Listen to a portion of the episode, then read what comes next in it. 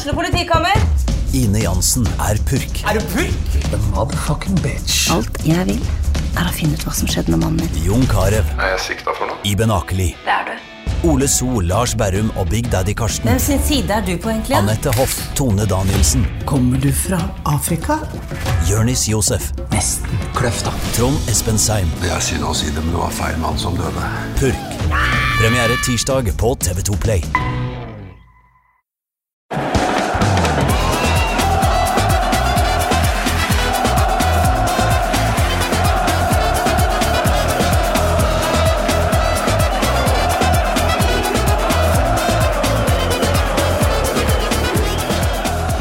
Velkommen til en eh, litt sånn ukesein, men eh, like fullt en episode av eh, Pyro og Pivo. Jeg heter Morten Galaasen, og i dag har jeg med meg deg, Paul Thomas Clay. Velkommen. Jo, takk for det. Jeg veit ikke, Paul Thomas, om du har hørt de siste par ukene med Pyro og Pivo, men vi har gått inn i litt sånne vanskelige, mørke territorier. Det var bl.a. kunstgress i Bergen, og så var det enda verre i forrige uke, hvor vi snakka om denne nye superligaen og de onde planene som eh, Europas toppklubber har for eh, den kjære sporten vår.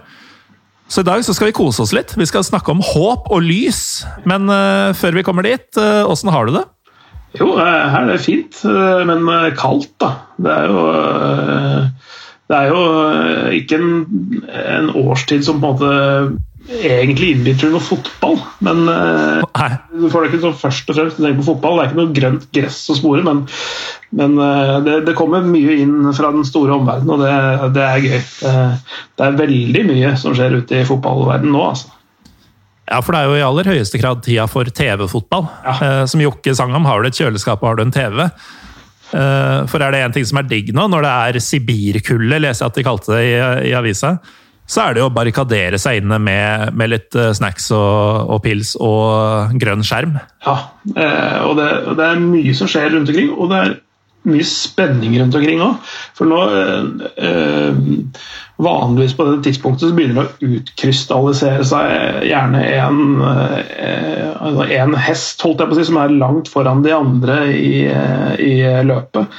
Eh, men det er spenning over, overalt, egentlig. Det har vært en sånn rar sesong på mange måter hvor, eh, hvor du tror kanskje at du begynner å få sånt, eh, hva skal si, taket på en liga. Du ser at noen lag spiller bra. Det, dette ser lovende ut, og så går de på en skikkelig smell. Og nesten alle lag gjør det. Nesten alle lag, alle ligaer. Altså, vanligvis eh, konsistente lag får skikkelig dupper. Altså, det er, det, jeg tror ikke det nesten er ett lag som ikke har hatt en, noen skikkelige smeller i løpet av eh, det året som har, eller det, den sesongen vi er inne i. da. Det er sant. eh, Det er, jo en del rart som skjer. eh, Det er jo i hovedsak litt rar utvikling som episoden skal handle om, men på et sånn generelt grunnlag så er det jo eh, veldig mange av de lagene som du tenker de går ikke på den smellen der, som gjør nettopp det. Um, og da er det jo fristende å tenke at det er denne som Bent Høie liker å si, litt annerledes tiden vi er inne i, eh, som er skyldig. Og, og det kan jo kanskje være noe i det òg, siden alle rutiner som eh, bare det at sesongen starta på et annet tidspunkt enn man er vant til at den starter. At eh, man ble såpass seint ferdig med forrige sesong at man har fått man har ikke hatt pause i sommer eh, og hatt en vanlig oppkjøring og sånn. Er er det rett og slett sånn at rutinene har svikta? At alt man er vant til, på en måte har gjort at det har forplanta seg inn i sesongen? Ja, jeg, jeg, jeg tror det er et, eh, et element av det. Det, har, eh, det, det er også det, er flere på en måte, parametere som har endra seg eh, til forskjell fra en vanlig sesong, da, i, i anførselstegn. Du, eh, du har det med mm, den utsatte forrige sesongen. Man spilte ferdig de fleste steder. eh, Kort preseason. Um, men, men jeg tror faktorene med at overgangsmarkedet har vært helt Helt Hva skal jeg si ikke ødelagt, men det har vært veldig annerledes. Da, I og med at eh, økonom, den økonomiske situasjonen er det den er. Og, mm, så man har ikke fått en naturlig utskiftning i en del lag. så at uh, man har, klarer ikke å reparere de si, hullene som vanligvis uh, er i en stall. Uh, og det vil jo nødvendigvis være behov for å gjøre endringer som det ikke i like stor grad er rom for nå. Da. Mm. Og, og, også den ikke uvesentlige detaljen at det ikke er fans på stadion. Altså det, det, tror jeg kanskje er den eh, aller viktigste grunnen til at det er litt annerledes. Fordi eh, disse spillerne som spiller på disse toppnivåene rundt omkring, de er vant til på en, slags reaksjon, feedback fra tribunen, enten den er positiv eller mm. negativ. Um, de opplever ikke presset på, på samme måte. Hjemme- og bortebanefordeler viskes nesten bort. Um, altså det er mange sånne faktorer som spiller inn som gjør at den, ja, det, det, det, blir annerledes i år enn det det uh, har vært før. og det kommer, til, det kommer, nok til å normalisere seg når vaksinene kommer, kommer tilbake på tribunen og økonomien begynner å komme på fot igjen. Så vil vi jo se en slags normalisering, tror jeg. Ja, det er jo Altså, jeg, når jeg tenker over hvor mye det preger meg som TV-seer at det ikke er publikum der, så kan jeg jo bare forestille meg åssen det er for spillerne. Ja, det er, det, er jo, det er, jo, veldig, veldig rart. Veldig, veldig rart. Altså, mm. altså, tenk deg tippeligaspillet, da. Altså, nå, nå det, var det jo riktignok et par hundre stykker på tribunen uh, i høst, vel, hos en del uh, de fleste steder. Men, men, det er jo sånn at før så var det jo nesten sånn at det var 200 stykker når de trente på La Manga om vinteren. Mm. Uh, og det var uh, trist og leit, men nå er det liksom Det er nesten færre folk på seriekamper enn det, det er på treningskamper. Uh, var på treningskamper før. Så det er jo det er ganske mørkt, sånn sett. Ja, det er det. Men, men på, en, på en annen side så er det jo altså Norsk fotball har jo på en måte vært mindre forskjellig fra si Premier League, Champions League, La Liga, alle disse greiene her. Fordi eh, i hvert fall jeg, da, som først og fremst så på førstedivisjon i sesongen som gikk, så var det ikke noe rart å se en kamp fra Raufoss eller KFUM eller noe sånt, hvor det var 200 folk. Det føltes jo nesten naturlig. Mm. Men eh, men likevel, altså Når du da kommer til Lerkendal brannstadion og sånn, så, så, blir det jo veldig tydelig, da. Ja. Altså, enkelte lag er jo mindre påvirka enn andre, f.eks. Strømmen, som, eh, som, jeg har en viss eh, tilknytning til. Eh, de, det, var ikke, det var ikke sånn at det var folk rant ned dørene når det var lov med publikum der heller. Altså, det var vel var kanskje den kampen mot Lillestrøm da, som de solgte ut. Ellers så mm. var det ikke store forskjellene å merke der. Men, men sånn var nå det. Men det der, nå, nå, er vi jo allerede langt ut på det vi egentlig skal snakke om, men det gjør ikke noe, for vi har jo god tid. Absolutt. Uh, det Smittevernsgreiene er jo ganske funny, fordi sånn som dette med 200 tilskuere, det gjaldt jo eh, store deler av sesongen for samtlige lag. Du kunne ha opptil 200 tilskuere. Og så har du da Grorud på dette Arctic Match, eller hva det heter for noe, som har plass til nærmere 300. De kunne ha 200 tilskuere. Mm. Men det er sånn hvordan skal du få denne tometersavstanden og sånn der? Ja. Samtidig har du Åråsen, som har plass til 12 000, og som har fire separerte tribunedeler og sånn. De kan ha 200. Lerkendal kunne ha 200 det er, det, er ikke, det er, ikke, alt som har uh, fungert helt optimalt med uh, Hva skal vi si um, Noen ganger den sosialistiske tankegangen ikke helt holder mål, altså. Ja. Nei, altså det, De hadde nok uh, hva skal vi si, lykkes bedre med kommunikasjonen hvis de hadde sagt maks 200. Uh, og sagt at hvis du har en tribuneseksjon som har plass til 300, så får du ikke plass til 200. Da må du sørge for å ha disse meterne eller tometeren eller hva det er for noe. Mm. Uh, så, altså, hvis de hadde sagt maks 200, så hadde det, hadde det funka bedre, tror jeg. Ja, men, men, sånn var det nå. Ja. Men uh, Paul Thomas Clay, vi må jo nesten introdusere deg skikkelig for eventuelle nye lyttere osv. Du er altså fotballkommentator på, for eh, denne Nent-plattformen, som da er Viaplay og disse V-sport-kanalene. Um, Det er jo ofte navneskifter og sånn der, men jeg traff ganske bra nå, gjorde jeg ikke det? Du, du var, eh, det var innertier, det der, altså. Ja. Så eh, det at du kommenterer fotball, det er eh, ditt eh, levebrød. Og mm, det heter seg at man ikke skal ta med jobben hjem, men du koser deg altså med fotball på fritida også. Blant annet nå som vi sitter her, og du får ikke et rødt øre for å være med på Pyro Pivo? Nei, men, men all, all, den oppmerksomheten det skaper, da. Tenk deg det. Ja, det er voldsomt. Ja. Du kan vel knapt gå ut døra du etterpå? Er, altså, jeg, jeg, trenger ikke penger for å prate om fotball. Det, det, det er bare å putte på, jeg putte på ei krone, og så går eh, praten den. Altså. Eller ikke putte på et kløyva øre, da, som jeg akter å gjøre. Men uh, vi må jo da også nevne at du i tillegg til å kommentere fotball, er med på en fotballpodkast uh, ukentlig som heter Fotballuka. Det er riktig. Og der var jo jeg gjest hos dere. Vi spilte jo inn den bare en time før vi sitter her nå. Og det var du og jeg og Jim Fosheim, eh, for de som vil høre på oss snakke mye tull om uh, Veldig mye Mesut Özil ble det. Ja, um, det da. Men som ble nevnt i den episoden, så får ikke du ditt webkamera til å fungere. Så dersom noen registrerer en liten sånn Eh, svikt i kommunikasjonen eh, hvis, eh, hvis, det går et sekund uten at noen veit hvem sin tur det er til å prate, og sånn, så er det fordi du ser meg, mm. men jeg ser en hvit P med en grønn sirkel rundt. Og den, den pulserer når du snakker. ja. Så da, da, da, er det, da, er det, nevnt. Mm. Um, videre så kan jo jeg fortelle at jeg tradisjonen tro drikker Pivo. Hva har du i glasset ditt, siden jeg ikke ser, ser deg, Pål Thomas? Eh, det er, eh, det er fra eh, Det er en leskedrikk fra, fra en fabrikk på Nedre Romerike. Oh yeah! Snakker vi Roma mineralvannfabrikk? Det, det gjør vi. Jeg måtte en, måtte en, tur dit og handle rød saft, Flux-soda og RC-cola her om dagen. Det hadde gått tomt på lageret. Tror du disse referansene tas av noen som ikke er fra Romerike? Eh, nei, men eh, det er eh, altså god saft og god brus.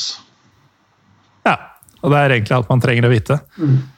Um, ok, Paul Thomas, vi, vi, har jo egentlig noe vi skal prate om i dag. Og vi har vært litt inne på det, i og med at vi har snakka om uh, rare resultater her og der. Fordi um, du har jo opp gjennom åra kommentert fryktelig mange ligaer. Mm -hmm. noen eh, ganske populære, noen eh, mer obskure. Har du det fortsatt på Twitter-profilen din? Merittlista? Ikke, ikke, alle, ikke alle som jeg har gjort tidligere, men jeg tror vel at de er sånn med ujevne mellomrom gjør den dag i dag, står der, ja. ja. Ja, fordi dine, dine, store er jo, eller har vært, eh, vil jeg anta, eh, Nederland, Frankrike og Italia. Ja, det, det kan du si. At det liksom blir eh, favorittene. Men du har jo også vært borti russisk liga og, og egentlig veldig mye rart. Portugal og Spania. Mm. Spania til og med? Ja, det er, det er obskurt. Vi hadde jo La Liga Um, i, like lenge som jeg hadde Serie A. Uh, så Stemmer det. Det var noen matcher derfra òg. Mm. Ja, når du nevner det, så har dere jo også skotsk. Du har jo kommentert Old Firm fra stadion. Ja, ja. Mm. Det var jo en egen episode av Pyro og Pivo. Ja, det, var jo, det, var jo, litt spesielt eh, etter uh, Ja, det har jo vært en sånn uh, beef mellom de to store Glasgow-klubbene hva angår billetter, så det var, det var litt, litt sånn amputert Old Firm eh, eh, på den måten der, med bare sju mm. Eh, Celtic-fans til stede. Det ble litt sånn Det blir litt magert mot 41 000 Rangers-supportere. Ja, det blir det. Men øh, hvis vi da sier at Nederland, Frankrike og Italia er de, de som i hovedsak gjelder, da, av de du har jobba mye med, mm. så er det sånn at i Nederland så er det jo gjerne et par-tre lag i hvert fall i sving om, eh, om gullet. Eh, og at det bølger litt at eh, Ajax har sin periode. Feyenoord vinner iblant, PSV vinner iblant. Mm. Så kan du ha et sånn Store.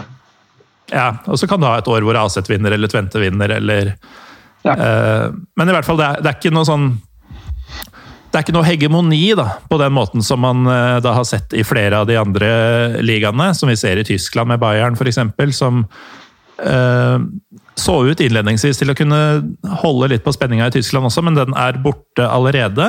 Eh, egentlig pga. mangel på konkurranse. Det, det, det er nøkkelen der. Altså, det, det, er ikke fordi Bayern egentlig har vært så veldig bra, det er mest fordi de andre har svikta når de har hatt muligheten til å enten kneppe innpå eller skape litt luke mellom seg og, og Bayern. For eh, for Bayern München har eh, slitt litt i år, faktisk. Altså, de har ikke på, mm. på måte vært uh, seg sjøl helt denne sesongen. Altså, så like solide, like overbevisende som de alltid som de har vært de åtte foregående sesongene.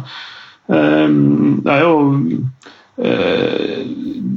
de, de, har jo fortsatt et par gamle spillere der. Eh, de mista Tiago Alcantara. Altså de, de, selv om de har skaffa seg noe, noe, nytt, så er det liksom ikke helt uh, eh, klikka like godt i år. Uh, ryker i cupen mot Holstein Kiel, uh, sånne ting. Sånn at, sånn at um, det, er ikke, det, er ikke, like suverene som de har vært. Men, men det ser sånn ut på tabellen nå fordi de andre har svikta, de også. Ja, for det var jo litt sånn håp eh, denne sesongen om at eh, Vi, vi nevnte litt innledningsvis at uh, sesongen, forrige sesong varte jo mye seinere og amputerte oppkjøringa og sånn. Uh, det var vel ingen det gjaldt i større grad nesten enn Bayern München, som, uh, som jo spilte til kuene kom hjem forrige sesong. Ja. Så det var jo et lite håp da, for alle som ønsker spenning i Tyskland, om at uh, nå skulle Bayern være slitne og være prega. Men de har da hatt såpass mye å gå på at selv et jeg eh, skal ikke si Bayern for halv maskin, men eh, et mindre imponerende Bayern enn på mange år. Allerede nå etter 19 runder har sju poengs ledelse på bruslaget. Ja. Og, og det at de andre har svikta, det ser man jo på at tredje- og fjerdeplassen er Wolfsburg og Frankfurt og ikke type Dortmund, Gladbach, eh, Leverkosen. Ja.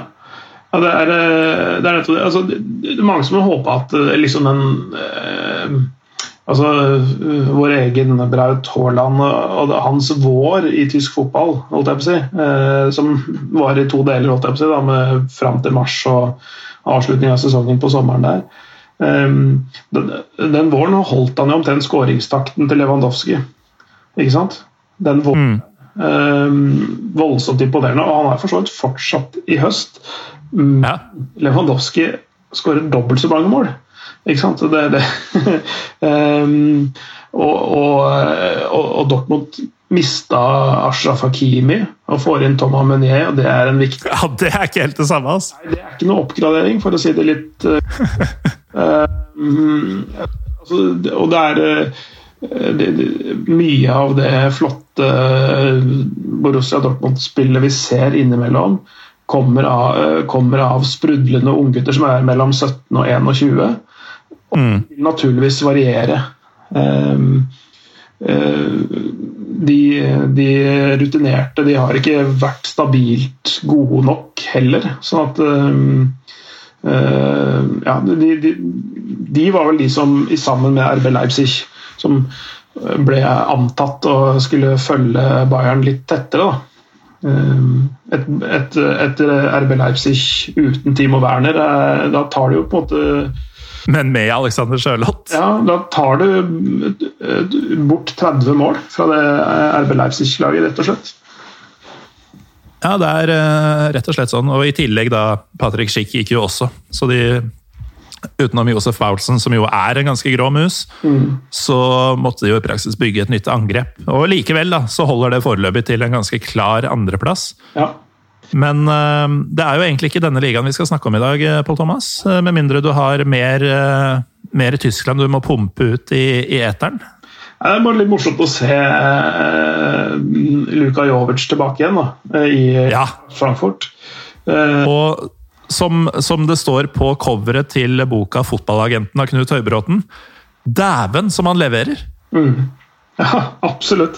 Det er, det er gøy. Det, det, han kom jo innpå i sin retur og skårte Det gikk vel var det sju minutter eller noe før han skåret mål én. Han skårte et mål til også i den kampen, før han ga mm. Uh, så skårer han i neste kamp, og så er han bare hjemme. Ja, det, absolutt. Det, det, viser jo det at, uh, at uh, hvis man mislykkes et sted, så betyr, betyr, det ikke noe som at han er en dårlig fotballspiller. Um, bare se hvor forløpet var for, for Jesse Lingard å dra fra Manchester mm. til West Ham United.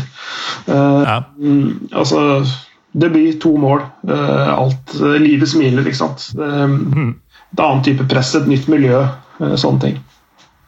Altså det, det virker jo rett og slett som om eh, Eintracht eh, Frankfurt er Luka Jovic eh, sin, eh, sin mors livmor, rett og slett. At han bare har krypet inn i den igjen, og, og alt er som det skal være. Ja.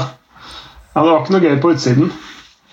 Nei, han trivdes ikke der, han. Eh, Kloremerker på vei ut, fant legene. Men uansett uh, League Æ Ja. Det er jo en aldri så liten solskinnshistorie. fordi eh, det dagens episode egentlig skal handle om, er jo disse um, hegemoniene som står for fall. Og nå er det ikke sikkert at uh, verken PSG eller Juventus, som vi skal komme til litt senere, faller, men vi er nå i februar, og det ser jo ut som om de i hvert fall for første gang på mange år må kjempe for, uh, for å få det som de mener er rettmessig deres. Eh, La oss begynne i Frankrike, Paul Thomas, hvor eh, etter 23 kamper PSG ligger på ikke andreplass, men tredjeplass.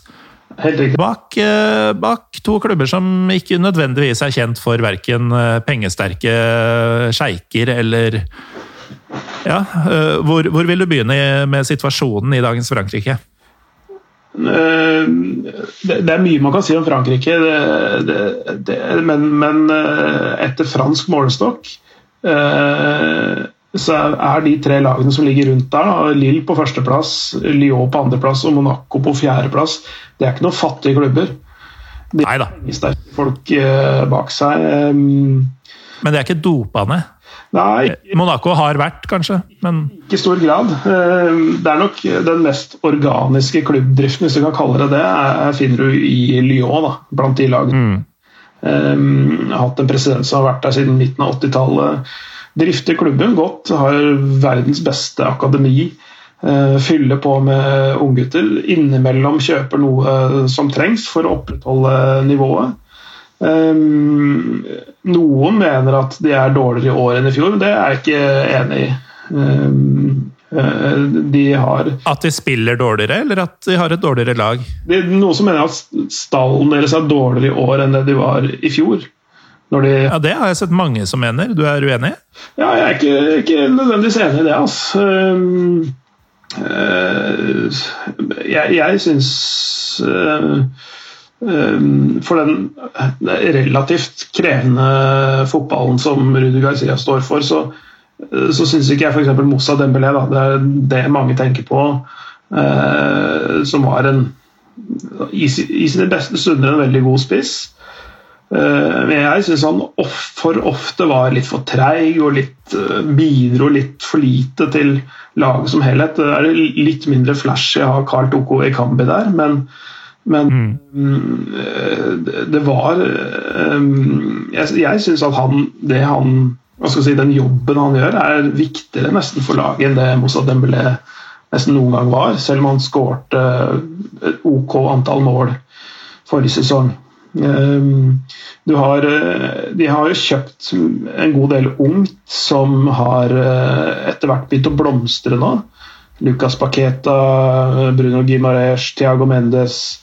eh, De gutta der. Ryan Cherky litt eldre. Jose Mawar er der. Max Hans Kakre. Altså de har massevis av offensivt krutt i det laget der. Fra midtbanen og framover. da. Eh, Høyrebekken til landslaget, Leo Dubois. eh, Marcelo, Jason Denayer Og det er, det er fort gjort å, å undervurdere si, sånne lag, fordi det er hjemlige spillere i den franske ligaen som du ikke nødvendigvis ser i Champions League hver uke. og sånn, Men når du sier at Leo Dubois er høyrebekken til det franske landslaget, da er du faen ikke noen hvem som helst, altså. Nei, det For der har, du, der har du Pavard, og du har uh, verdensstjerner som er utkonkurrert. Ja, og, det, og han, han, han skårte en suser i helga også, som, som er verdt å, å se. Sånn overtidsskåring, tror jeg faktisk det var også, borte, nei, hjemme mot Bordeaux. Uh, han, altså nest, ikke død vinkel, men en, sånn, en meter fra dørlinja klinker ballen i det lengste krysset. Altså, mm. eh, så han, uh, han er et voldsomt aktivum både for klubb og landslag.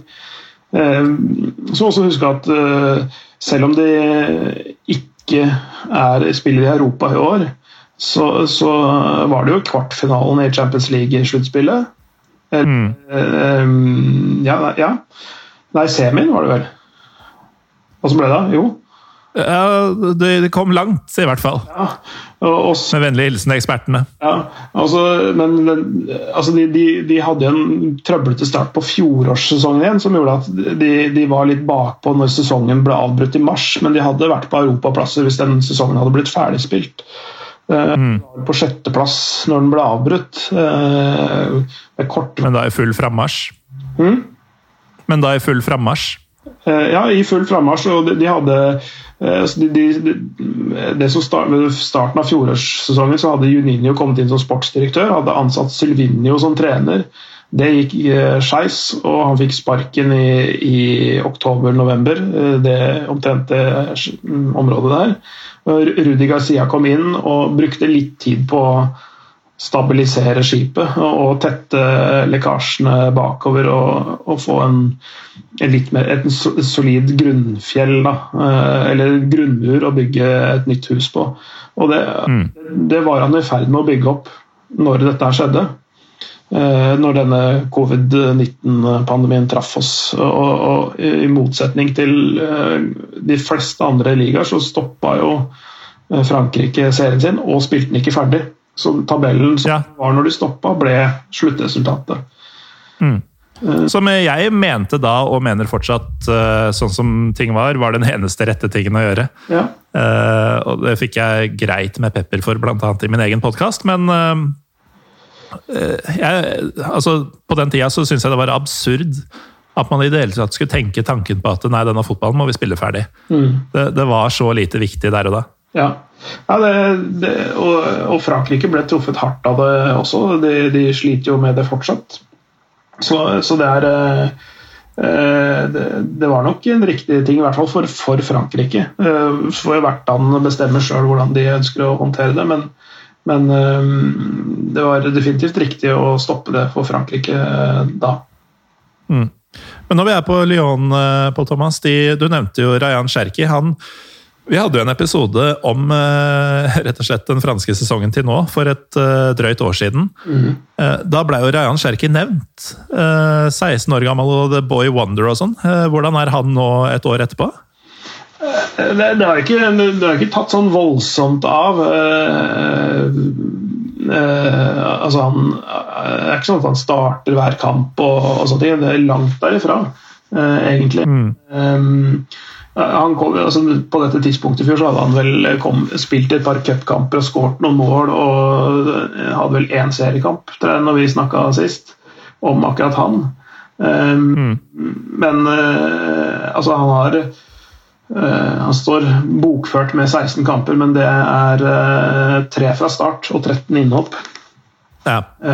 Så, så, så, det er litt med å, å hva skal vi si, utviklinga hans har ikke gått eh, en eh, helt linjalrett eh, linje. Det går litt i, i platå. Mm. Så han men, men, men, det, men, han er jo 17, da. Av hva han har å by på fortsatt. da. Mm.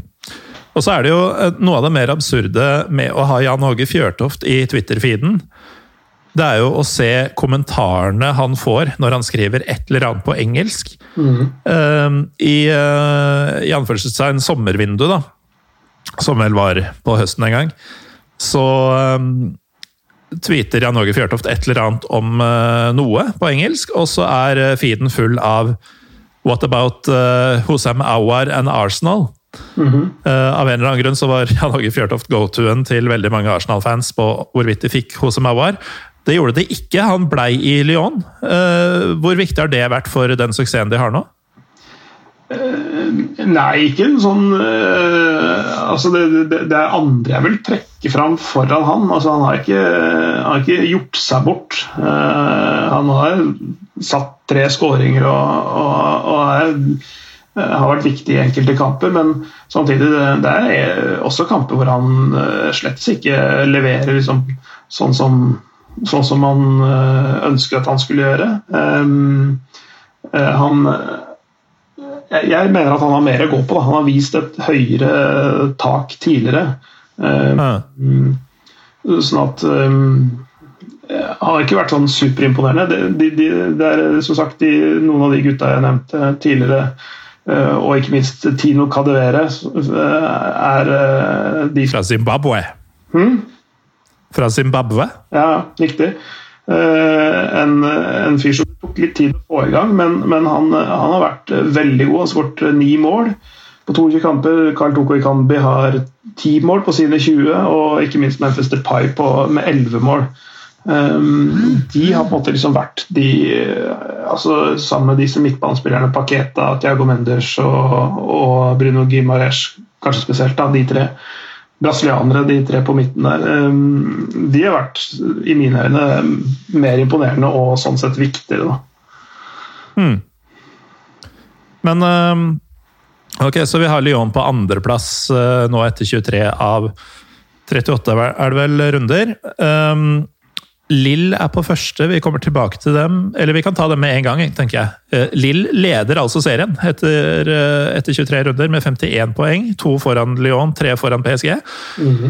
Um, til tross for at uh, de solgte jo Victor Ossimen for store penger.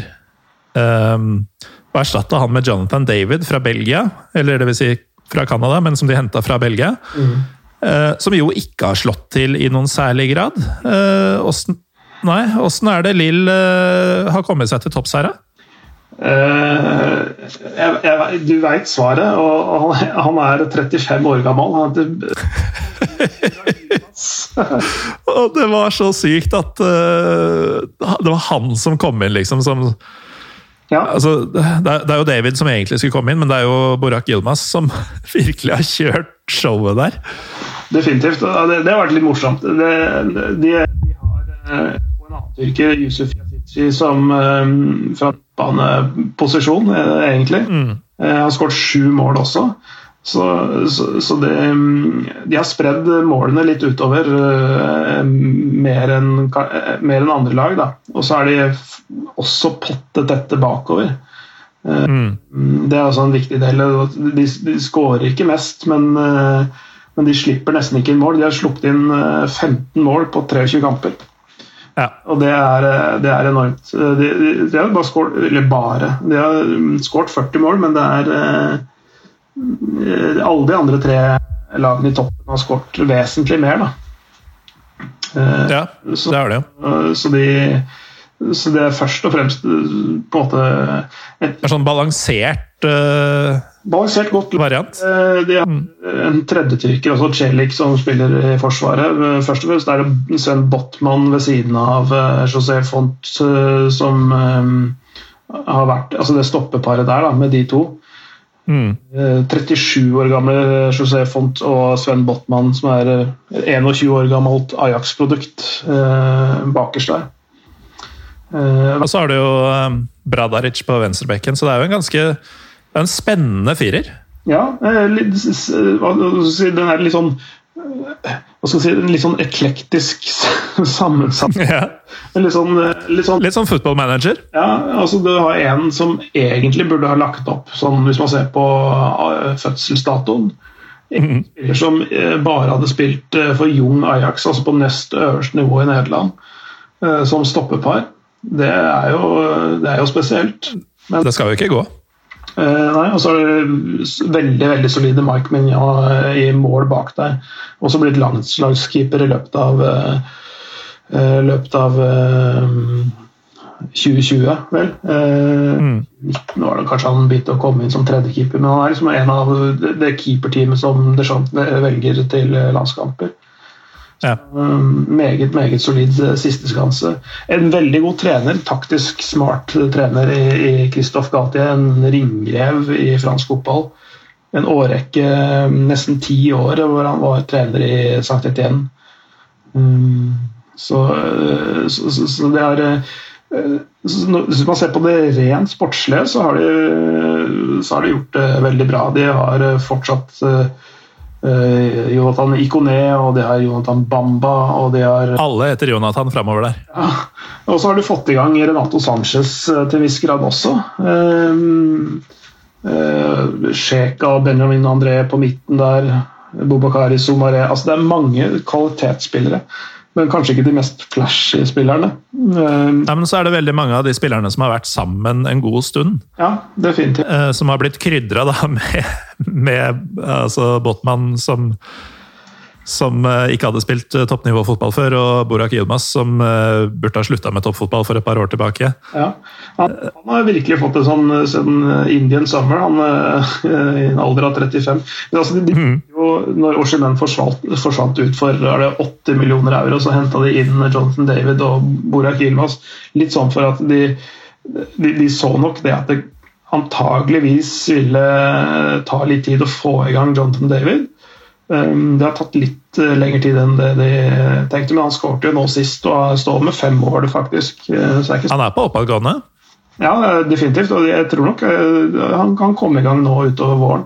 Men Borak Yilmaz var litt sånn mer at du, du veit hva du har, og hvis han ikke leverer mål, så leverer han i hvert fall en viss sånn tilstedeværelse med størrelsen sin og en sånn, en sånn brøytebil i, i, i motstanderens 16 meter, hvor alle de andre kjappe, små uh, spillerne kan løpe rundt. Så uh, det, var, det, var, et smart trekk, det. Å ha en mm. nøkkelferdig Borak Yilmaz som kan uh, bane litt veien for David etter hvert. da. Så Lill har eh, gjort veldig mange kloke avgjørelser og hatt veldig mye stang inn tydeligvis på, på spillere de har henta. Lyon er det mønsterbruket og den talentfabrikken de er. Mm. Uh, så det er jo uh, Og det var at dette kunne gått virkelig på trynet. Altså dette, fordi jeg har hatt, et, uh, hatt problemer utafor banen. Mm. De, var, de var, ble kjøpt opp for noen år siden av et av en uh, fyr som heter Gerard Lopez. En uh, spansk-luxemburgsk uh, ja, Høres sketsjy ut allerede. Fondsforvalter. Nei, altså Det var jo i utgangspunktet et brukbart altså Prosjektet så bra ut lenge. han de, de, brukte penger på spillet, men de solgte det videre dyrt. Da. Vi snakka litt om den businessmodellen sist for et år siden, tror jeg.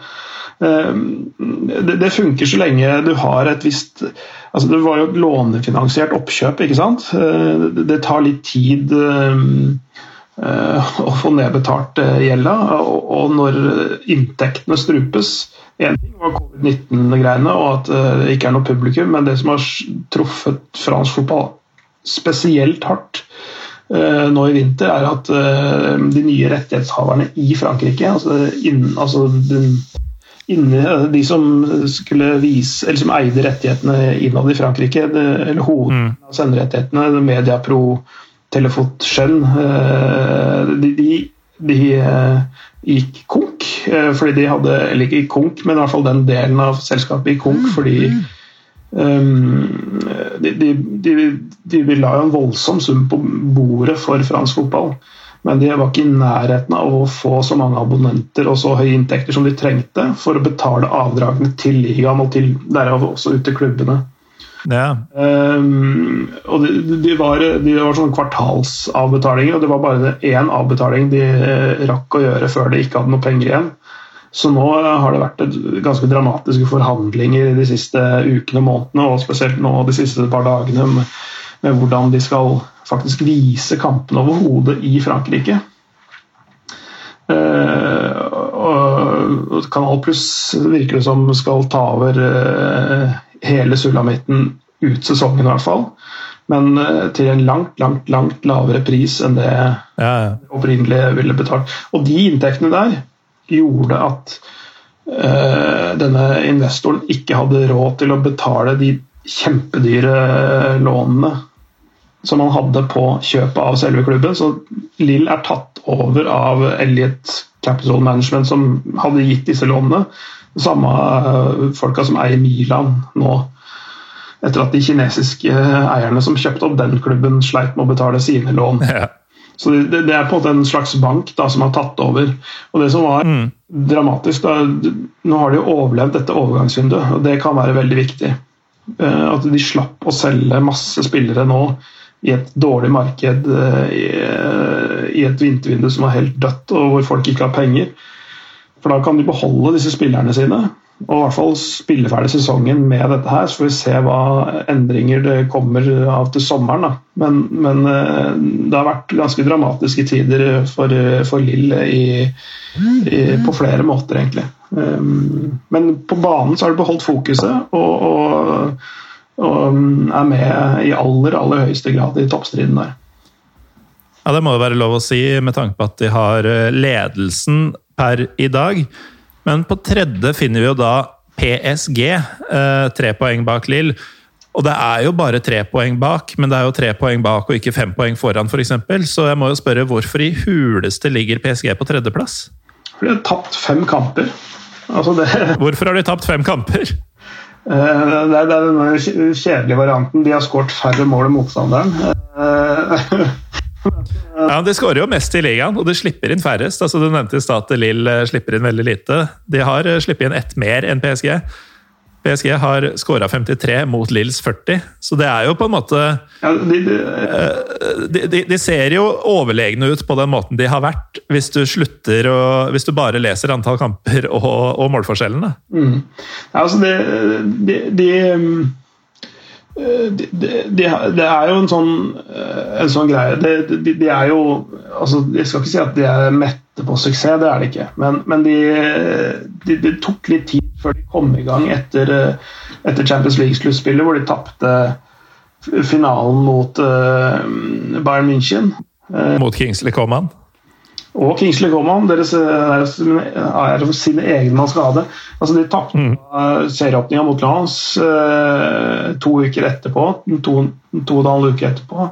Uh, de tapte mot Marseille på eget gress i kamp nummer to.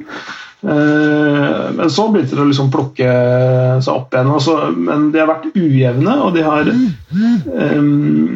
de har tapt uh, mot altså, dårligere lag. Det, det, er jo naturlig at de gjør, for så vidt, i og med at det er det mm. beste laget. Men, men det, er, det, er, flere resultater uavgjort og tap mot presumptivt ganske mye dårligere lag, hvor de det, det, ser ut som om liksom, motivasjonen deres har vært litt sånn halvveis enkelte ganger. Eh, mm. Ikke, eh, ikke, tar de litt mindre kampene like alvorlig, mens de, de storkampene som regel eh, møter opp og gjør en god kamp. da. Ja, altså du, du, sier at det ikke er mette, men hvis man ser på troppen, så er det jo ikke veldig mye sånn pulserende, sultne, nye folk som har kommet inn. Det er liksom en ganske sånn satt gjeng. Eh, de som har kommet inn, er jo gjerne litt opp i åra også. Florenzi, f.eks. Mm. Som for så vidt ikke har vunnet så mye, og som helt sikkert er sugen på trofeer, men han er jo ikke noen ungfole lenger. Nei, lån som med sånn slags uh, altså Thomas Tuchel sa jo det allerede i sommer, at, at dette her er ikke dette, det, det, vi sitter med nå, er ikke bra nok til å gjøre det samme neste år som det vi har gjort den sesongen som har vært. Nei, nei. Um, de mista jo Thomas Mené, det er ikke noe stort tap i min, min bok. Der er Florence en oppgradering så til de grader, men, men de mista Kavani. Uten at han mm. en voldsom faktor forrige sesong. Ehm, men, men de, de, hadde sterkt behov for å fornye seg på en del områder. De mista også Thiago Silva. Ehm, selv om de har hatt eh, bra kandidater til å ta over, så er det liksom ikke Du erstatter ikke Thiago Silva sånn over natta med bare ting du har der allerede. Så, så de, de mista en del spillere og ikke fornya seg ehm, på noe særlig, på noe særlig vis. Ikke, ikke, noe, ikke til det bedre, i hvert fall.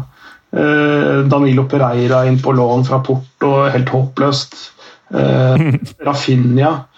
Eh, til og med faren til Rafinha og Tiago Alcantara, som er da brødre, da, disse to gutta, han sa at PSG ønsket seg Tiago Alcantara, men de fikk bare Rafinha. Det var faren deres som sa Du, du vinner ikke den? Nei, eh, så eh, Nei, det har vært litt De, de har lidd litt under eh, det å ikke kunne eh, hente de spillerne de ønska. Og så har det vært knute på tråden, for å si det litt pent, mellom sportsdirektør Leonardo og Tuchel i den tida han var der. Mm. Sånn konsekvent ikke fyller de tingene, de, de hullene som uh, Tuchel ønsket å fylle. Um, henter inn spillere som han ikke mener han har behov for, osv. Uh, til, til viss grad det eneste altså Florenzi har vært god eller sånn godkjent pluss lånesignering. Den som virkelig har slått til, er jo Moise Keane fra Everton. Ja, endelig.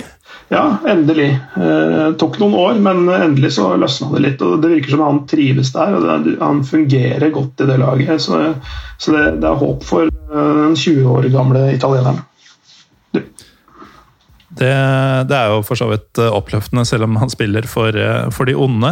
Mm. Um, men hvis vi ser da på tabellen, det er tre poeng opp til gullet. Og det er tre poeng ned til Monaco på fjerde. Uh, altså like langt dit. Og havner man på fjerdeplass, så er man jo fort ikke i Champions League, vel? Ja, Nei, det, det, det, det kan jo skje. Jeg tror, jeg tror ikke Altså, det, er ting som uh, altså, Du har et Monaco som er uh, formlag nummer én, faktisk, i Frankrike. De, de, har seks seire på rad nå. og det virkelig begynner å få sving på sakene. Nico Kovac og, og, og hans gutter der nede. Um, så, så, så, det er ikke noe garanti for at PSG er mm, topp tre, uh, men, uh, de, men, de, har uh, materiale til å, å holde en, en, god kamprekke utover nå. Nå har jo Porcetino tatt over.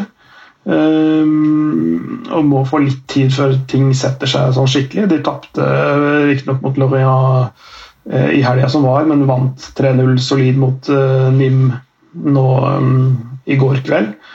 Men den Loria-kampen mm. uh, Husker jeg riktig at Loria lå sist før den matchen? Eller lå de bare under streken? Uh, nei, de, de, lå ikke sist, for det var det NIM som gjorde det. Uh, um, mener jeg. Ja. ja men det var, det var ordentlig skrell? Ja, ja, ja. Å ja. Og det, det var jo Kamputviklinga var jo litt spesiell også. Um, Eh, fordi eh, eh, PSG leda 2-1 når det gjensto ti minutter, så utligna Vissa. Og så ett minutt på overtid så satte Moffi inn 3-2-målet. Så det var ganske sånn dramatisk, slutt, dramatiske sluttminutter på, oppe, på, oppe i nordvest. Det var en spennende kamp. Men de, de kan tape mot Lorient, de kan tape mot Lance, de kan Eh, ja, spiller uavgjort mot dårlig lag på eget gress og, og taper eh, De har tapt hjemme både mot Lyon og mot Marseille i år. Så det mm, eh, Ja, de avgir også poeng. og Det, kan jo, det gir jo håp for alle lag som møter de utover. At det er mm. mulig å slå de. Lorient spilte jo da Altså, de, de hadde Eh, jeg husker ikke hva de, de hadde vel eh, spilt i cupen rett før eller et eller annet sånt og, og bytta sju spillere. Mm. Skulle møte PSG, og PSG stiller opp med sitt uh, quatre fantastique, altså de uh, fantastiske fire. Uh, Neymar og Di Maria og, og Icardi og Mbappé. Og, og allikevel så klarte de å slå dem. Så, så det, er, det, er, faktisk mulig med riktig kamp, riktig innstilling og, og, alt det der. Så, så um, kommer ikke poengene gratis for PSG denne sesongen her, altså. Men hvis vi skal, skal synse litt da, inn i den uh, muterte krystallkula mm -hmm. hvor, uh, hvor, ender de forskjellige? Altså, blir det den vanlige enden på visa til slutt, eller kan lille Lyon faktisk ta dette her? Eh, jo, de, de, kan så absolutt ta dem. Det tror jeg. Eh, fordelen til Lyon for eksempel, er at de ikke har en europacup på spillet. Eh, så de har mm. eh, et dobbeltoppgjør mot Barcelona i eh, februar og mars å tenke på. Eh, ikke sant? Det, det, er en stor fordel. De har også jeg tror det er en um, ganske stor drive hos nøkkelspillere som hos Mawar og, og, Memphis Depay å faktisk vinne noe med Lyon, og de er antakeligvis ikke i Lyon når vi snakker august-september. Uh, de er nok uh, på vei andre steder. Eh, og Mm. snakket om det hver for seg og på en måte sammen også, altså om hverandre. At de har lyst til å vinne noe sammen her i Lyon. For det, det, det de har der, er spesielt. Eh, eh, Så de har en drive til å vinne noe. Eh, Så de tror jeg holder koken. Mm. I hvert fall presser det helt til døra. Jeg er litt mer usikker på Lill, for der er det liksom Det er få sånne standouts der da, som gjør det helt ekstreme. Men men de, er, de er veldig godt lag og har vist seg å være mer stabile enn det jeg trodde. Men jeg er litt usikker på om det holder hele veien inn. For Lill, altså. Spennende blir det uansett, Paul Pål Thomas. Og vi skal fra Frankrike til et annet land hvor eh, det har vært noen klamme, klamme hender på, på trofeet i veldig mange år. Eh, Men de hendene begynner å bli litt eh, avkjølte nå. Og disse kalde, kalde fingertuppa de finner vi faktisk i eh, Torino, Paul Thomas Clay. Juventus altså Vi, vi syns det var rart at PSG ligger på tredjeplass i Italia. Nei, i Frankrike. I Italia så ligger Juventus på fjerde mens vi snakker nå. Ja. Riktignok med en kamp mindre spilt enn de tre foran, men jeg gjentar, Juventus ligger på fjerde. ja. Uh, er, det, er det ni titler de har på rad nå, eller er det flere? Er, vel, eh, er det ikke Er det åtte eller ni? Jeg, det går litt i Ja, det, er et sted, i hvert fall. Så dette er jo helt absurd. Ja, det, det er det. Og det, de har jo De har jo hatt et behov for et generasjonsskifte, og det er jo sånn halvveis gjennomført, holdt jeg på å si. Eh, De er, ikke, de er langt ifra i, mål med det. Eh, Og de, har nok ikke lykkes veldig godt eh, eh, med, det de siste to årene, egentlig. Selv om de har eh, vunnet hjemlig serie og sånn. Men altså de, de har jo også hatt noen trenere. Mm. Fungert like godt med alt. Så, øh, så øh, med Pirlo nå og øh, ja, dette overgangsmarkedet som altså Han hadde aldri trent noe seniorlag før. Um, har jo gått Coverciano-skolen, så han har jo utdanninga si i orden, men ikke noe erfaring fra den rollen før nå. Um, litt sånn bundet på hendene på overgangsmarkedet. Som sagt, et generasjonsskifte krever at man kan eh, handle litt. Eh, Mm. ja, I normale år så har Juventus god råd. Eh, det har de ikke hatt, denne, de, hatt i år. Det har liksom lånesigneringer av Weston McKenny. Uh, og liksom vært avhengig av at Rabiot og Ramsey leverer, og det, det har de jo til en viss grad gjort. Men altså det, er, sånn- det er litt sånn eh, eh, De har liksom ikke klart å, å, å å fornye seg og, finne, finne seg sjøl helt heller. Altså, for ustabile. Det eneste som, det som redder de, at de faktisk er såpass høyt som en, en fjerdeplass, er jo at Ronaldo fortsatt skårer. Altså 15 mål på 16 kamper denne sesongen. Det er jo helt spinnvilt i en alder av 35 at han leverer som han gjør. Um, uh, så, så hadde det ikke vært for han, så hadde det vært virkelig ille ute. Og da er, da er det jo nesten et ordinært lag òg, faktisk, hvis du ser på resten. Ja, det er, det er litt sånn eh, Jeg er jo så pessimist at jeg tenker jo at eh, til slutt så tar Juventus dette her, akkurat som jeg tror at PSG tar det i, i Frankrike. Og dersom de vinner denne hengekampen, så vil de være fire poeng bak eh, Milan som eh, leder. Eh, Så det er- ikke noe hav oppover der, men det er litt som du sier, altså, som, som bringer et slags håp om et tronskifte i Italia. At det er ikke noe spesielt med Juventus nå, annet enn Cristiano Ronaldo. Nei. Eh, og, og, og Inter har jo eh, det, det, jeg tenkte før sesongen, at Inter, det skulle være Inter sitt år. Nå har jo de vist seg å være litt ja, kronisk eh, ustabile, men det er jo sånn Inter er uansett. nesten. Lukaku har levert, Latari Martinez kanskje ikke like mye. Um, Er det litt skuffende i år, eller? Eh, Ja, liksom altså, Man hadde kanskje forventa Forventa mer eh, derfra, faktisk. Eh, Jeg er også litt, litt sånn Ikke skuffa, det, det vil jeg aldri være for et lag jeg ikke følger med. Altså, han har skåret ti mål, og det er ikke sånn at det er helt håpløst, men Jeg hadde kanskje forventa mer derfra. Og, um, men de har jo en voldsomt brei stall. Uh, og de gjorde jo altså en av de store Kanskje i hvert fall en av de signeringene jeg tenkte kunne liksom velte lasset i deres vei, holdt jeg på å si, med, med kjøp av Ashraf Hakimi. Som, mm.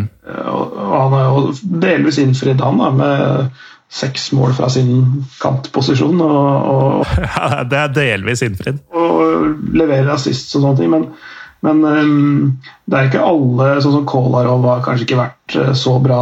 Ashley Young har ikke vært så bra som han var forrige sesong, hvor han faktisk var overraskende bra. Um, altså, men sånn 2021 så skal man jo heller ikke kunne ha Kolarov eller Ashley Young på venstrebekken og fortsatt være en tittelutfordrer. Men, men det er det jo. Ja, ja, definitivt. Altså, eh, altså, Inter, eh, Inter, må nesten vinne i år, det. For det, er såpass mye og såpass gammelt der. Som er en mm. viktig del av eh, laget som det må ryddes opp i over sommeren. Og det, sjansen deres er bra. Jeg vil jo påstå det. og jeg et mye bedre altså en mye bedre stall da, på papir enn det f.eks. Milan har. Selv om Milan leder to poeng foran dem. Eh, fordi det er mye unggutter, og det er um, uh, ja, Jeg tror ikke det holder hele veien inn, dessverre, for AC Milan. Det, det smerter litt for min egen del, for det det laget jeg i hvert fall på um, skiftet fra 80- til 90-tallet, var mitt lag, da. AC Milan med disse altså, jeg, jeg, er litt, uh, litt, enig med deg. Mm. Uh, jeg har ikke noe sånn For meg Dette kommer mange lyttere til å synes er ganske dritt å høre, men for meg så er det sånn om Milan eller Inter ender med, ender med å vinne, det, det, spiller ikke så stor rolle. Men uh, jeg syns jo det Milan-laget her er ganske fett. Ja. både fordi du, det du sier, disse unggutta, men også det at altså, du, at Cristiano Ronaldo skårer så mye mål, er jo ganske sjukt i den alderen han er i. Hva i all verden skal man si om eh, Zlatan Ibrahimovic, da? Ti, ti kamper og tolv mål. Ja. Det, det, det, er, det, er, enda mer sinnssykt. og det, det, var litt det jeg la opp til når jeg sa det jeg gjorde om Ronaldo også. Det her er mm. enda villere. Og de har et egentlig ganske sånn sjarmerende, morsomt lag ellers òg. Altså, ja, mye fine, fine, typer der. Ja, Verdens beste venstreback, kanskje, Theo Hernandez. Mm. Labra har vært fantastisk. Eh, og så har Ja, tenk det! Hæ? Tenk at han har vært fantastisk. Han uh, har jo vært hakkekylling i årevis. Ja, jeg veit det. Og vært eh, sånn ordentlig sånn tørt høy i lang tid. og sånn, litt sånn uspektakulær og, og, og, og, egentlig ikke spesielt god heller. Men nå har han jo vært mm. helt ustoppelig. Eller det vil si, han stopper alt. Uh, virkelig vært nesten ja. sort hull for motstanderne. Han bare suger inn, og så blir det uh, så, så. Jeg, må, jeg, må, si noe som er ganske sånn uh, jeg tror de som har hørt mye Pyro Pivo, vil synes det er veldig typisk Morten Galaasen. Mm -hmm. uh, og det er at jeg liker veldig godt når en spiller har et navn som kler posisjonen. Mm -hmm. Og svært få uh, sidebekker har et bedre sidebekknavn enn Davide Calabria, syns jeg. Ja, Det er helt riktig. Det passer en fyr som flyr opp og ned langs eh, linja der en, en, også spesielt hard negl defensivt. Uh, Italien mm. høyrebekk. Det, det, det, og drakt nummer to også. Der. Liksom alt er på plass der. Ja, ja eh, og ja, altså, de, de, har mange spennende spillere. Benazer har vært kjempegod, ikke sant. Og, mm. og uh, ja, men, Chalanolo har endelig lykkes. Ja, det var jo Han også var, var jo drit i to år før han begynte å liksom blomstre. Um, Frank Kessie har vært veldig bra, ikke sant. Um, og, og, mye spennende, til dels veldig ungt rundt. da. Uh, mm. Reberts har vært uh, viktig der framme også. Um, så, så nei, det er et veldig, veldig spennende lag, men jeg tror, og for framtida stort sett. da. Um, men ja, jeg tror ikke de er eh, solide nok til å holde hele veien, dessverre. Eh, det tror, jeg, tror jeg det blir enten Inter eller, eh, eller Juventus. Ja, og så er det jo ikke til å stikke under stol, som det tydeligvis heter, at eh, Stefano Pioli er jo en litt sånn Ja. han, han føles ikke som en uh, Scudetto-trener, kanskje? Nei, nei det, er, det, det er noe der òg, altså. Uh, uh, nei, jeg har heller ikke helt sånn troa på det men, men det, men det er mest med, med spillematerialet han rår over. Det er, det er litt for mange usikre kort der, tenker jeg. Mm. Eh, Det er mer eh, enten folk som har vunnet andre steder, altså da tenker jeg på Inter, eller eh, Juventus, hvor folk har vunnet mye i den klubben. Der du har eh, en god del spillere som har vært med på ganske mange av de titlene som de har eh, lagt eh, i skapet de siste årene. Så Nei, jeg tror, jeg, tror på det enten blir eh, Det, det avgjøres i Derby de la Italia. Eh, Derby d'Italia, heter det vel. Som er eh, Inter eller Juventus, altså. Um, vi eh, nevner jo Den kampen går i Det er en cupvariant av den, faktisk, da, som ble spilt i går, og returkampen om en ukes tid. Um, Juventus slo faktisk Inter i går i cupen av 2-1. Ja. Um, men eh, det avgjør jo selvfølgelig ikke, ikke serien, men eh, gir jo en pekepinn på hvor, hvor tyngden faktisk ligger når det kommer til stykket, kanskje. da. De for det er jo De det er vanskelig å ikke se for seg at Juventus bare åler seg opp til toppen her på et eller annet vis, uansett hvor uspektakulære de skulle være. ja, altså de møtes i nest siste serierunde. Det kan bli en eh, direkte sånn seriefinale, rett og slett. En kamp verdt å se til tross for tomme tribuner, rett og slett. Ja, ja absolutt. Eh, det er 16. mai òg. Kvart på ni om kvelden. Ja, men da er man godt marinert antagelig i et eller annet. Ehm, kanskje, kanskje noe vin fra Piemonte-regionen. Men vi nevner jo disse tre, Paul Thomas, men det er jo et lag mellom Juventus og Milano-klubba på tabellen. Det er jo nesten litt dårlig gjort å ikke nevne Roma, selv om det finnes vel ikke et menneske på jord som tenker at de er en Scudetto-kandidat? Nei, det, det, det er jo deres evne Altså Romas evne til å avgi poeng mot uh, direkte rivaler. Da. Altså de, de, mm, de har en sånn dårlig track record mot andre topplag. De, de, de tar seg stort sett greit av lag bak dem på tabellen, men de, men er en sånn, sånn lei eh, evne til å liksom gi bort litt for mange poeng over tid. da. Mm. Eh, Så, så jeg tror heller ikke de holder hele veien inn. Og det eh, Der hvor de andre lagene har kanskje en, en, en, en som skårer et tosifra antall mål, så er det ingen som har gjort det hos Roma i år. Viktarian på ni, men, eh, og så har det vært to på sju og Djeko på sju, men det er liksom ikke den den voldsomt uh, skårende spissen som det både Juventus og ja, Milan har. Da. Og, og, og Men apropos folk som endelig lykkes. Uh, ganske deilig å se Mkhitarian uh, herje litt igjen, eller? ja, det, det er jo gøy. Det er, alltid, det er alltid gøy med de som har liksom blitt avskrevet både én og to og tre steder. Plutselig liksom finne seg sjøl igjen og liksom vise at de faktisk uh, ikke var døde, holdt jeg på å si. Uh, og det, Roma har mange spennende spillere, men det, er, det virker litt sånn tilfeldig sammensatt, da, uh, syns jeg. Ja, det er nettopp det. Eh, eh, noe sånne halvbra navn, men det er liksom ikke noe sånn derre eh, Du får sånn veldig vann i munnen av. Eh, Ingen som tar deg til det neste nivået, på en måte. nei. Eh, det som er litt morsomt nå, da, foran eh, sluttspurten, det er jo at de henta tilbake El Sharawi. Det kan jo bli litt morsomt.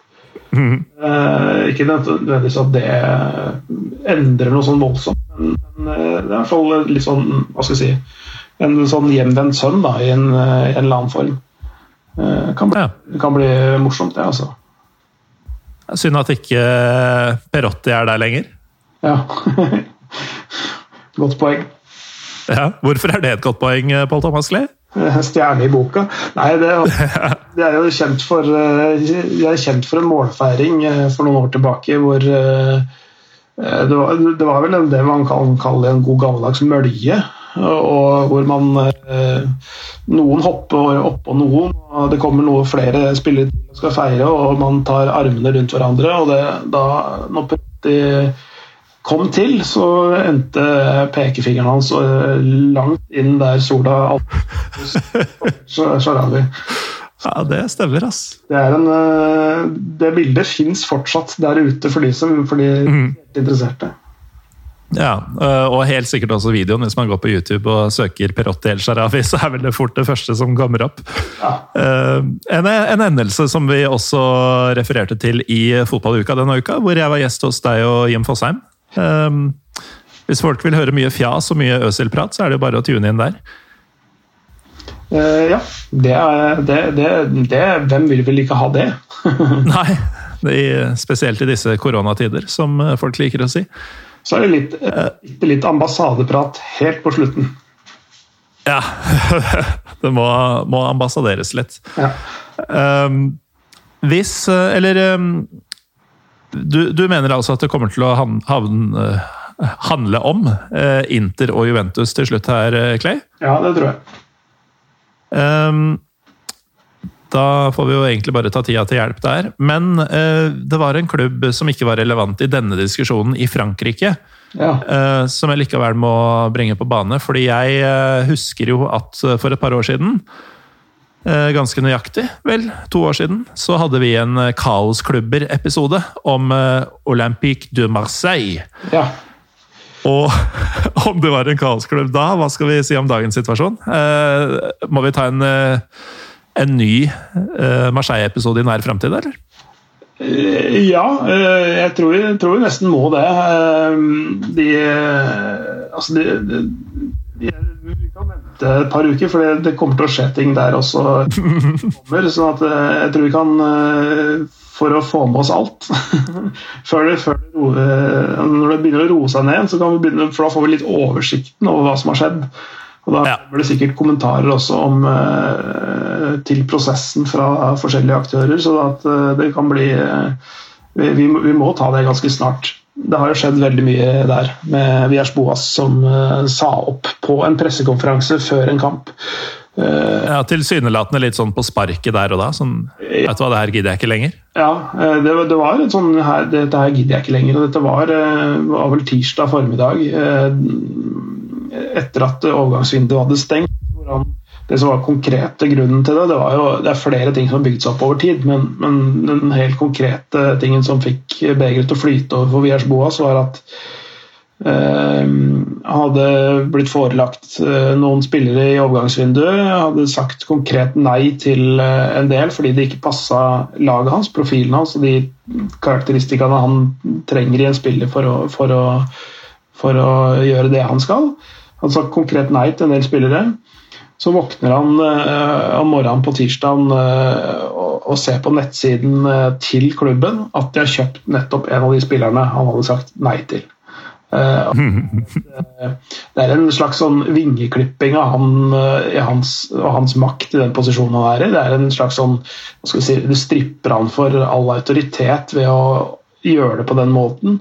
Uh, og hadde Som sagt, det er jo flere ting som har bygd seg opp over det halvannet året han var der. Um, han var veldig nær ved å gi seg i sommer, men ble overtalt av spillerne til å bli. Men nå fløyt begeret over, og da sa han det. Han gjorde det. Man skjønner han jo det er, det er en, et kronisk vanskelig sted å få til noe for selv de beste trenerne, de mest sindige personene. Det er, altså det er en by som når du drar dit, og en klubb hvis du drar dit som setter merke i deg, og ikke alltid har det gode slaget. Ikke sant. Og for de som ikke aner hva vi prater om, da, bortsett fra det du nevnte nå om at Vias Boas rett og slett fikk nok på sparket, så har det jo skjedd spektakulære ting. Eh, man kan jo si at supporterne til Marseille ikke nødvendigvis har tenkt smittevern først eh, de siste dagene. Eh, der de har troppa på treningsfeltet i hopetall og kasta bluss og krevd sin, sin rett til å være med å bestemme litt, fordi de som styrer, veit faen ikke hva de driver med. Nei, og det, det kan du det, det, kan du si, ass. De, de storma jo treningsanlegget Ja. Det si de ordene er jo litt sånn rart. De storma treningsanlegget for å, for å la sine stemmer bli hørt. Det, Ja, for vi er ikke, vi er ikke sånn Vi er ikke i Kroatia nå, liksom. Vi er i Frankrike. ja, men, Men De, de storma altså treningsanlegget. altså, men Marseille er jo en spesiell by. Eh, har en eh, helt spesiell demografisk sammensetning. Um, um, og veldig hva skal vi si en, Litt med fattigdom å gjøre, men det er veldig sånn um, Mer det at det er, følelser er, ligger tett, eh, tjukt utapå det. ikke sant? Altså, det er veldig kort vei til å agere på en følelse der. Mm, og og de, de, er veldig lidenskapelige i forhold til klubben sin. Eh, Veldig lidenskapelige. Og, og nå, de har ikke hatt noe utløp for dette her, i og med at stadionet har vært stengt. ikke sant? Eh, De har ikke Ja, ja. en tribune å stå på. Mm. De føler at klubben deres kjøres i dass. De har altså Og det gjør den jo. Eh, Ja, det, det gjør den jo for så vidt. De har, de har hatt én seier på de siste ti kampene. De, altså, når vi åpna de første lukene av kalenderen eh, før jul, så, så var de helt i toppen. Eh, De har fortsatt to kamper mindre spilt, og hvis de vinner de to kampene der, så er de oppe på 39 poeng. Eh, og, ikke, og, da er de på femteplass. Eh, men altså, hvis de hadde hatt en normal uttelling de siste ti kampene, så hadde de vært i denne gullkampen vi akkurat har snakka om. De har vært kjørt i dass. Det handles lite. Eh, de, de, altså, de selger de selger Morgan Sanson, eh, de kjøper en spiller som ikke passer inn, som ikke treneren vil ha. Um, de har riktignok henta Arek Milik fra Napoli, som var outcast. Det er en kul signering, ass. Det er en kul signering. Det kan passe de veldig godt, faktisk. Eh, Har eh, det som Dario Benedetto ikke har, som Valais Germain ikke har, altså målteft. Det Jeg mente jo i sin tid at Benedetto også var en dritfet Marseille-signering. ja, det, Eh, og, og, og det står jeg for så vidt for, men han hjelper jo ikke laget. Nei, altså det er jo kult med han som kommer fra Bocca til eh, Marseille, eller hva det er for noe. Uh, altså det er en sånn type altså Han har sånn type temperament som passer klubben veldig godt, men han er ikke bra nok.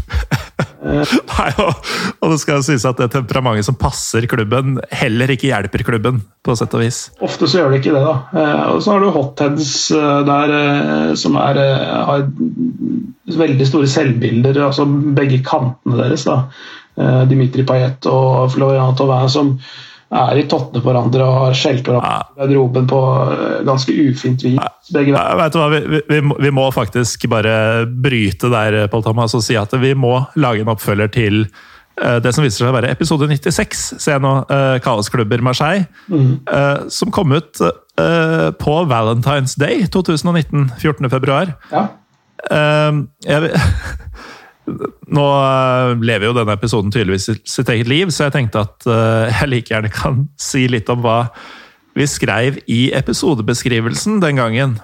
Eh, Etter at det står litt om deg og Daniel Wangen, som var den andre gjesten, så står det Sammen har de unik innsikt i klubbens historie, eierskap, oppturer og nedturer, og det blir også tid til en rekke avstikkere. For det er jo ingen Pyro og Pivo-episode uten sædfarget sprit, mødre som trekker på gata, og Molde-referanser. Det er da 96 for dere som vil høre litt mer om Marseille nå. Og så skal vi rett og slett ta hverandre sånn virtuelt i hånda Paul Thomas, og si at i løpet av et par uker så kommer det en oppfølger til, til den. ja, det må, vi må det, altså. Det er så mye å prate gjennom der at eh, ja, det fortjener et ja. segment. Så jeg håper jeg ikke var ufin som stoppa deg i resonnementet der. Jeg bare tenkte at her, her er det en episode i seg sjøl. Jeg tror du gjorde klokt i det. Eh, ja.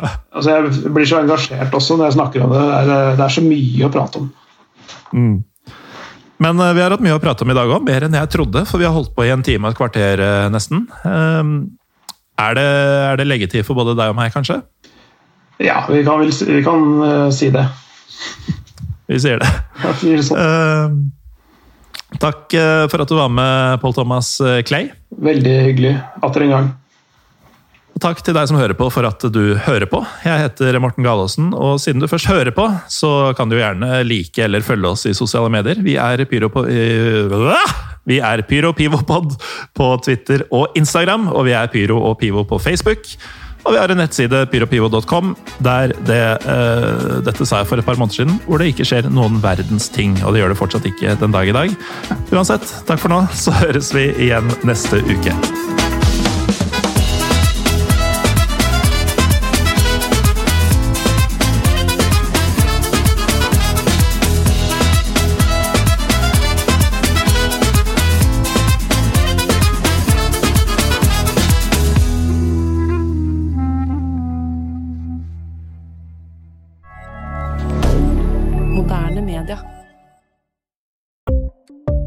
Ukens annonsør er HelloFresh. HelloFresh er verdens ledende matkasseleverandør og kan være redningen i en travel hverdag. Mange av oss har nok vandret i butikken både sultne og uten en plan for middagen, som ender med at vi går for de samme kjedelige rettene gang på gang. Middag burde være dagens høydepunkt. Som HelloFresh kan du nå velge mellom 25 ulike retter hver eneste uke, eller få HelloFresh til å sette sammen menyen for deg. Dette gir deg muligheten til å prøve nye og spennende retter alene eller sammen med familien. Du velger antall porsjoner og får alt levert på døren på et tidspunkt som passer for deg. Oppskriftene er enkle, og maten er lett å lage både for store og for små. Ved å få alt levert hjem får du også mer tid til å dele matgleden med familie og venner. Kanskje det frister med asiatiske tacos eller greskinspirert kylling? Da kan jeg anbefale deg om å gå inn på hellofresh.no. Her kan du bruke koden FOTBALL og få opptil 1779 kroner i rabatt på de første fem matkastene hvis du ikke har prøvd Hello Fresh tidligere. Du kan også bruke rabatten hvis du har vært kunde og stoppet abonnementet ditt for tolv måneder siden eller lengre. Gå inn på hellofresh.no og bruk koden FOTBALL.